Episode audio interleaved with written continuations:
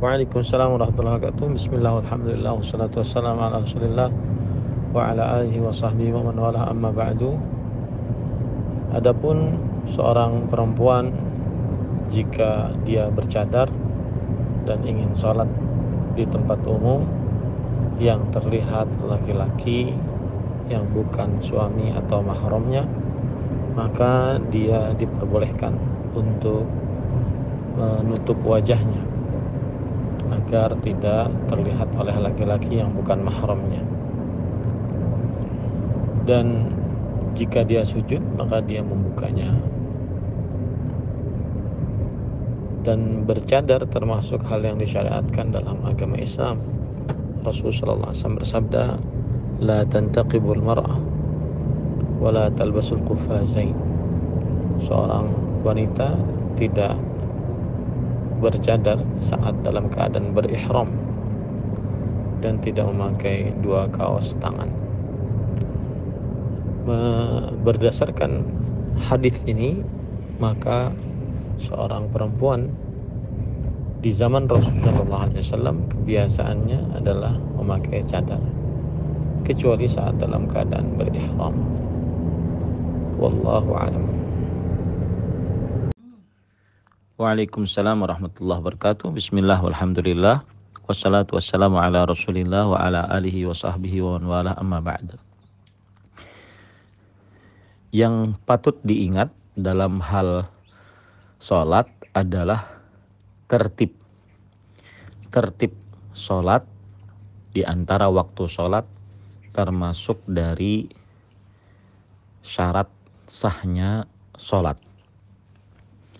Yang dimaksud dengan tertib yaitu mengerjakan sholat subuh, kemudian setelahnya sholat zuhur, setelahnya sholat asar, setelahnya sholat maghrib, setelahnya sholat isya. Dan tidak diperbolehkan dan tidak sah mendahulukan sholat maghrib sebelum sholat isya atau sholat asar sebelum sholat zuhur. Baik karena lupa ataupun karena masuk bersama imam. Nah, jika sudah dipahami hal ini, maka siapa yang ingin menjamak sholat wajib melakukan tertib. Sholat zuhur dilakukan sebelum sholat asar jika ingin menjamak antara zuhur dan asar sholat maghrib dilakukan sebelum sholat isya jika ingin menjamak antara maghrib dan isya. Hal ini berdasarkan hadis Rasulullah SAW. Sallu kama ra'aitumuni usolli. Salatlah kalian seluruhnya sebagaimana kalian telah melihat aku salat. Dan tidak pernah Rasulullah SAW mendahulukan asar daripada zuhur atau isya daripada maghrib. Dan Allah Subhanahu wa taala berfirman, "Innas salata kanat 'alal mu'minina kitaban mawquta." Sesungguhnya salat diwajibkan atas orang-orang yang beriman pada waktu-waktu yang telah ditentukan.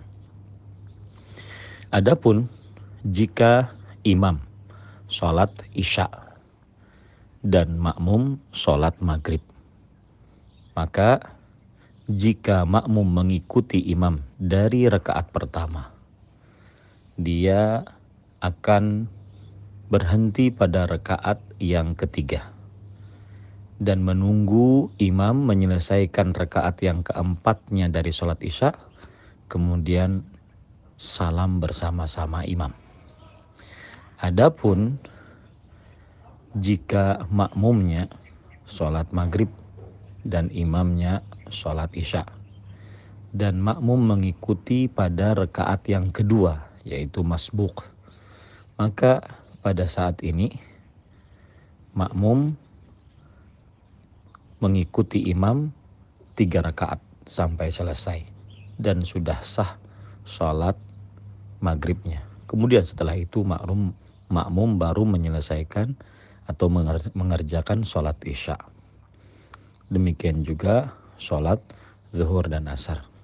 Yang jelas yang paling utama diingat adalah bahwa tertib sholat zuhur sebelum asar, maghrib sebelum isya. Wallahu alam.